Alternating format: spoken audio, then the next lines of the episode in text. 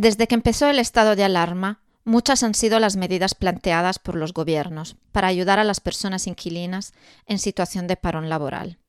En las redes sociales se han difundido las iniciativas individuales de algunas personas arrendadoras, exonerando del pago del alquiler sus inquilinos y inquilinas, para ayudarles en esta situación de crisis mundial.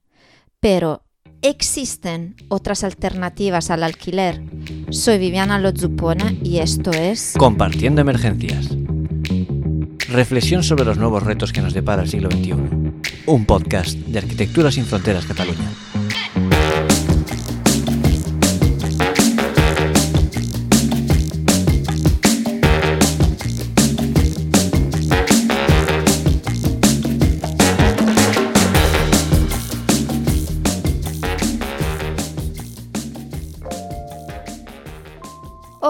Hablaremos con las personas participantes de la asociación La Mula, Masovería Urbana per la Llar Alternativa, que nos explicarán en qué consiste el régimen de masovería urbana y los retos que está suponiendo la COVID-19 para este colectivo. Hola Sergi. Hola, buenas. Nosotras somos de La Mula, una asociación de masovería urbana que acoge diferentes proyectos de alrededor del territorio y bueno, principalmente em, la función de este colectivo es generar una red de conexión entre los diferentes proyectos de masovería y así pues facilitar el, acceso a la información y como ayudar en el desarrollo de cada, de cada proyecto, pues asesorándonos legalmente ¿no? y ayudándonos a, generar unos proyectos más sólidos para, para que tengan validez pues, delante de los, de los propietarios, ya que es pues, es una alternativa al habitaje que no es tan conocida, ¿no? Y entonces esto nos, nos ayuda a poder presentarlo de una forma más, más sólida. bueno, también pues el, enriquecernos de las, de las experiencias y de los diversos recorridos de cada, de cada uno de los grupos, ¿no? Haciendo pues encuentro entre nosotras, em, dando charlas también, dando a conocer pues todos estos proyectos de, de masovería a través de, de charlas también es una, una de las partes importantes, como la, bueno, la difusión. Y, y, bueno, hoy participaremos alguno de estos, de estos grupos que formamos parte, que somos La Llavó, que están en Lleida, a San Benet en Barcelona y nosotras que somos de Canamel, de Premia de Mar. Exactamente, hoy será un episodio multitudinario y participarán junto con nosotras Nerea de la Llavó de Lleida, Berta, Sergi, Tamara, Maragda y Laia del proyecto Canamell en Premiat de Mar, Duna del proyecto San Benet en Barcelona y Nico del proyecto Chalet de Mercedes, que ya finalizó el contrato de masovería. Bienvenidas y bienvenidos. Para empezar, Nico, ¿nos podrías explicar en qué consiste la masovería urbana y qué papel ejercen estos proyectos en los barrios donde se desarrollan?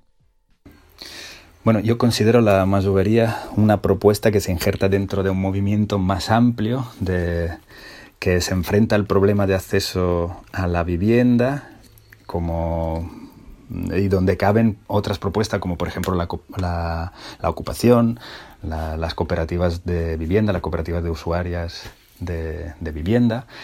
Y creo que comparte con todo este movimiento esta visión de la vivienda y del acceso a la vivienda como un derecho básico y como una cuestión de uso y que se contrapone a la visión de la vivienda como un bien de propiedad o, incluso un bien de, especulación.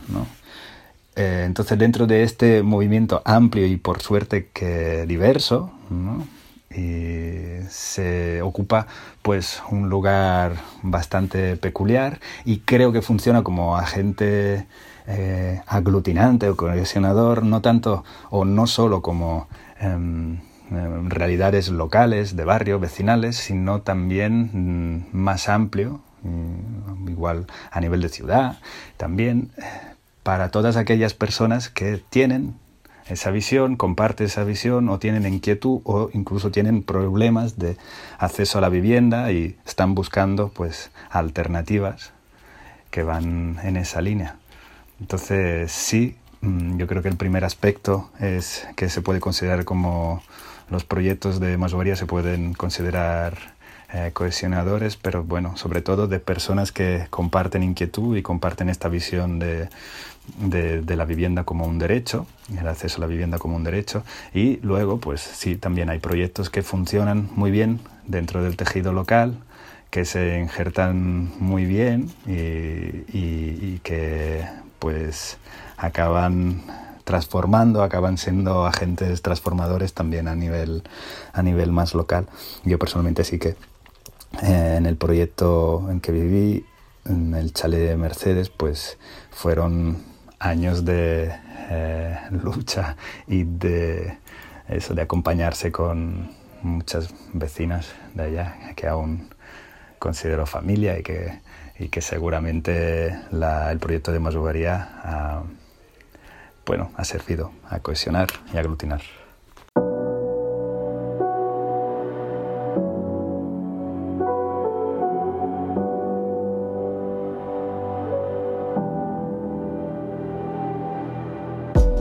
Toda Cataluña existe un acceso deficitario a la vivienda. Siguen habiendo viviendas vacías y alquileres abusivos en relación a las rentas.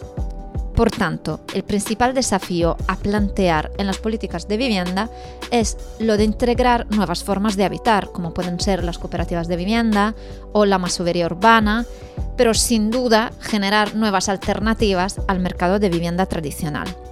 Tamara, ¿qué opinas al respecto? Durante los últimos años hemos visto cómo han ido subiendo cada vez más el precio de los alquileres hasta unos niveles que son inasumibles con los salarios que cobra la mayoría de la gente. Los propietarios tratan sus viviendas como un bien de inversión con el que especular y hacer negocio y no como un bien de primera necesidad. En este sentido, hemos vivido muchos casos de cerca, ya que nosotros participamos en la Xarxa Habitatge del Baix Maresma, que es un colectivo de lucha por el derecho a la vivienda, y desde allí acompañamos a muchísima gente a la cual le han finalizado el contrato de alquiler y no se lo han querido renovar o con unas subidas impresionantes, en algunos casos llegando a duplicar el precio. También hemos visto cómo muchos propietarios prefieren poner su piso en alquiler vacacional, ya que en los meses de verano pueden ganar mucho dinero con los turistas, pero eso significa que esa vivienda se pierde en el mercado y que en consecuencia los precios suben cada día más. Nosotras hace cuatro años, viendo que el acceso a la vivienda era complicado y la gran cantidad de casas vacías que hay, decidimos ocupar una casa que llevaba 40 años vacía. Defendemos la ocupación como una buena herramienta de presión para luchar contra la especulación, a la vez que proporciona una vivienda a muchas personas que si no no tendrían acceso a ella. Y en cuanto a lo de distintos modelos alternativos de acceso a la vivienda, pues creemos que la masubaría urbana eh, puede ser un, una de estas alternativas y que puede generar cambios en el modelo de vivienda, ya que se sale de la lógica especulativa y se basa más en el intercambio, en la confianza, en el mantenimiento de un espacio. Existen ya muchos proyectos y propietarios de viviendas que están contentos y que incluso han decidido alargar el contrato y eso nos hace creer que puede suponer una verdadera alternativa, aunque hay que tener en cuenta que también requiere una importante inversión de tiempo y energía que a veces es difícil de compatibilizar con la vida laboral tal y como la tenemos estructurada hoy en día. Por lo que respecta a las cooperativas de vivienda, Creemos que también son un modelo muy interesante basado en la comunidad, en generar espacios para compartir, em, se crean viviendas ecologistas y que existen experiencias muy innovadoras y, y que también ofrecen viviendas fuera de esta lógica del mercado y la especulación. Y finalmente, también creemos que es necesario que exista un control por parte de la Administración sobre los precios de los alquileres y lo que pasa es que, bueno, al ser una competencia del gobierno estatal, pues no, no creemos que se, que se haga algo en un futuro próximo. Eh, sí que existen diferentes experiencias, bueno, políticas de vivienda a nivel municipal, como los pisos de protección oficial o las bolsas de alquiler social, que se gestionan desde algunos ayuntamientos y que pueden ofrecer algunas viviendas a precios asequibles, aunque son totalmente insuficientes teniendo en cuenta el porcentaje que suponen al final en el total del mercado. Duna, desde vuestra posición, ¿Veis alternativas a la vivienda en Cataluña o creéis que las actuales son escasas y deberían existir más cooperativas de vivienda y más proyectos de masovería urbana? Pienso que sí que hay muchos proyectos alternativos en general en Cataluña, pero creo que tendrían que haber más. Sí porque justamente cuando hablamos de algo alternativo estamos hablando de algo raro, diferente, algo al final anecdótico, ¿no? Y lo interesante de estos proyectos es, por ejemplo, en el caso de la alternativa de acceso a la vivienda, es que no solo plantean una forma diferente de acceder a una vivienda que no sea compra o alquiler o ya tenerlo de propiedad, sino que lo que plantean es un cambio en las dinámicas y en la vida, o sea, digamos que incorporan unos valores distintos.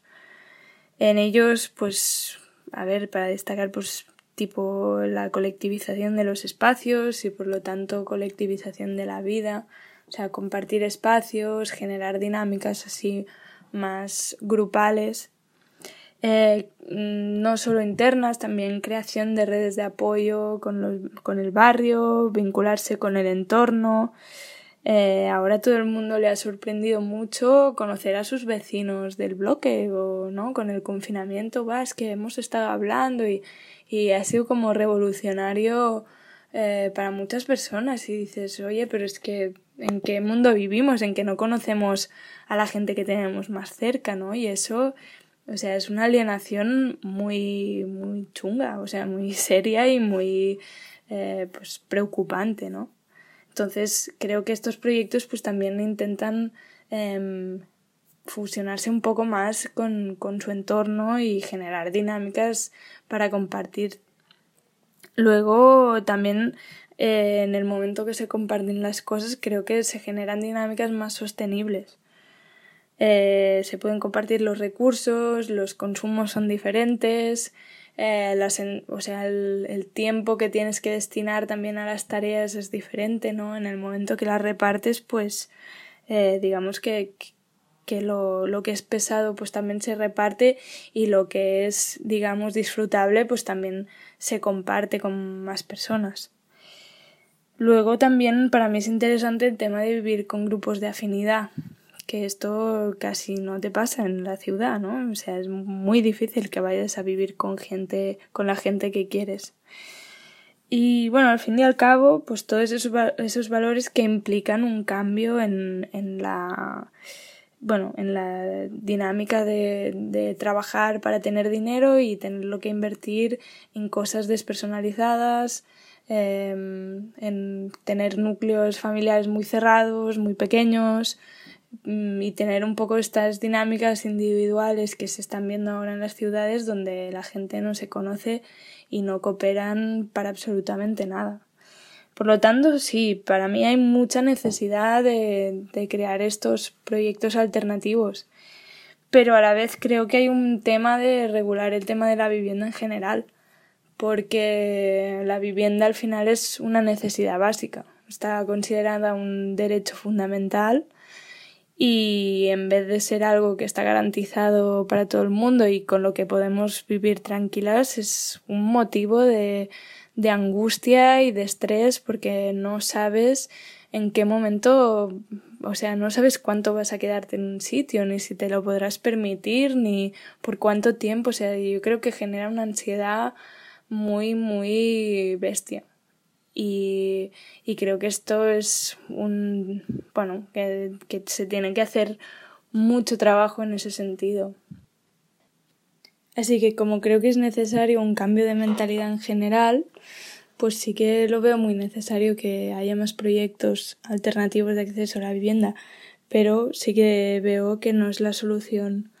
Sí que es una tendencia, pero no es la solución eh, a todo el problema de, la vivienda eh, actual.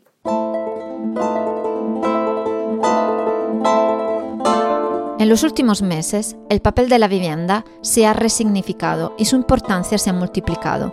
La vivienda ha pasado de ser un derecho a prácticamente una obligación.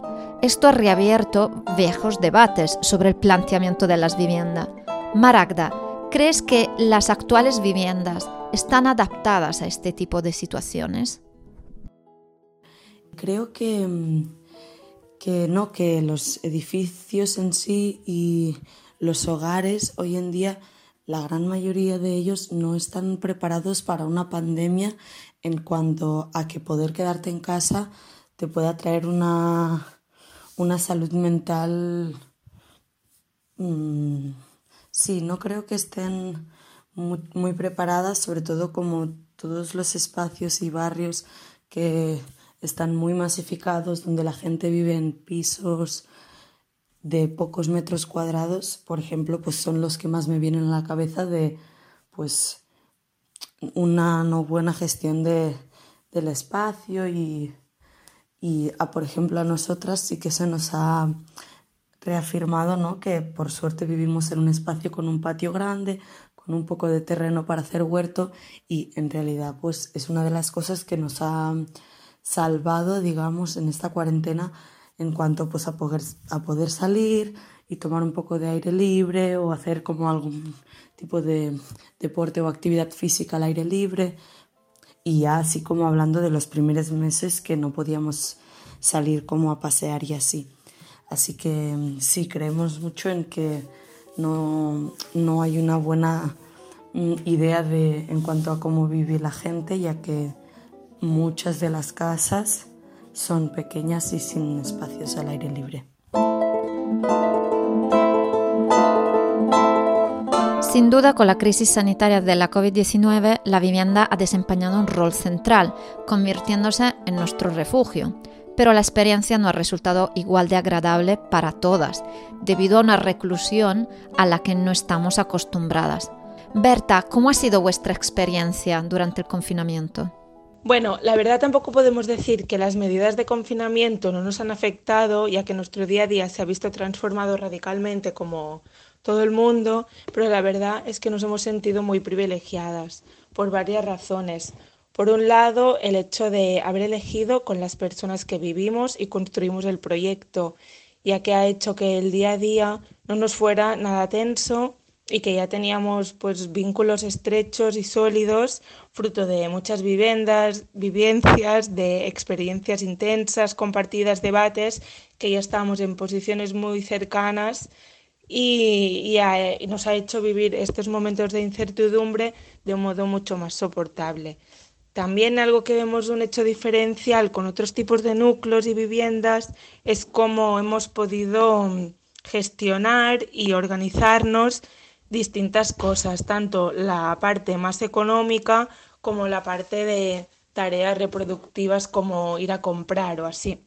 Por un lado, el tema económico, al no tener que pagar un alquiler o una hipoteca, pues nos ha permitido organizarnos de forma interna y si una de nosotras se ha visto más afectada por el estado de alarma, pues que viviera con más alivio la situación y a que pues las otras podíamos poner más y como todo más relajado. Y en cuanto a la organización de tareas, pues si a alguien le da apuro ir a comprar o tal, pues como repartimos las tareas entre muchas personas, pues es también más relajado.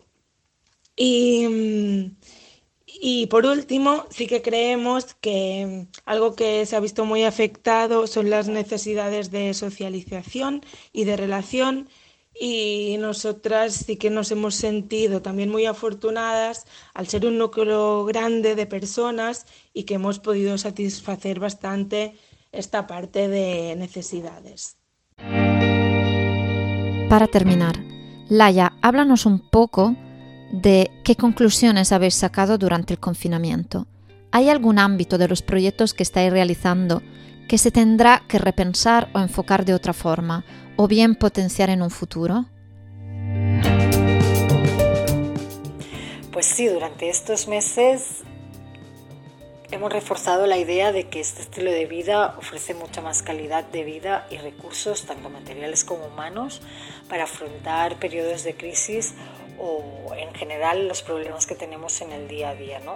Vivir en comunidad te permite establecer lazos fuertes con muchas personas, crear, construir juntas, eh, acompañarnos en todos los sentidos. Eh, desde que empezamos el camino de la masovería hemos tenido gente al lado que nos ha acompañado nos ha asesorado, nos ha motivado y sin las cuales no estaríamos donde estamos. Tenemos claro que nosotros también queremos acompañar a otras personas, por eso estamos en la mula y quizá estos meses nos han hecho ver eh, más necesario todavía el hecho de ayudar a que se creen nuevas masoverías. ¿no? En este sentido, vemos muy importante buscar el contacto con personas propietarias, darles a conocer esta opción, eh, bueno, que puedan experimentar ¿no? de cerca eh, y enterarse realmente de cómo funcionan los diferentes proyectos y cómo podría funcionar en cada caso. Eh, también sería necesario hacer un inventario de casas vacías de la zona para conocer realmente la cantidad de casas vacías que hay ¿no? en cada lugar.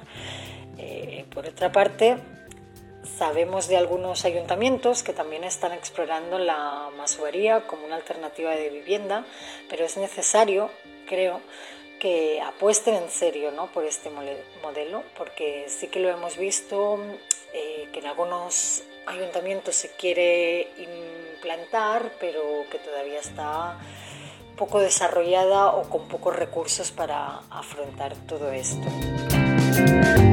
Aún falta mucho por conseguir en torno al derecho a la vivienda, pero se empiezan a ver pequeños pasos en estas nuevas direcciones.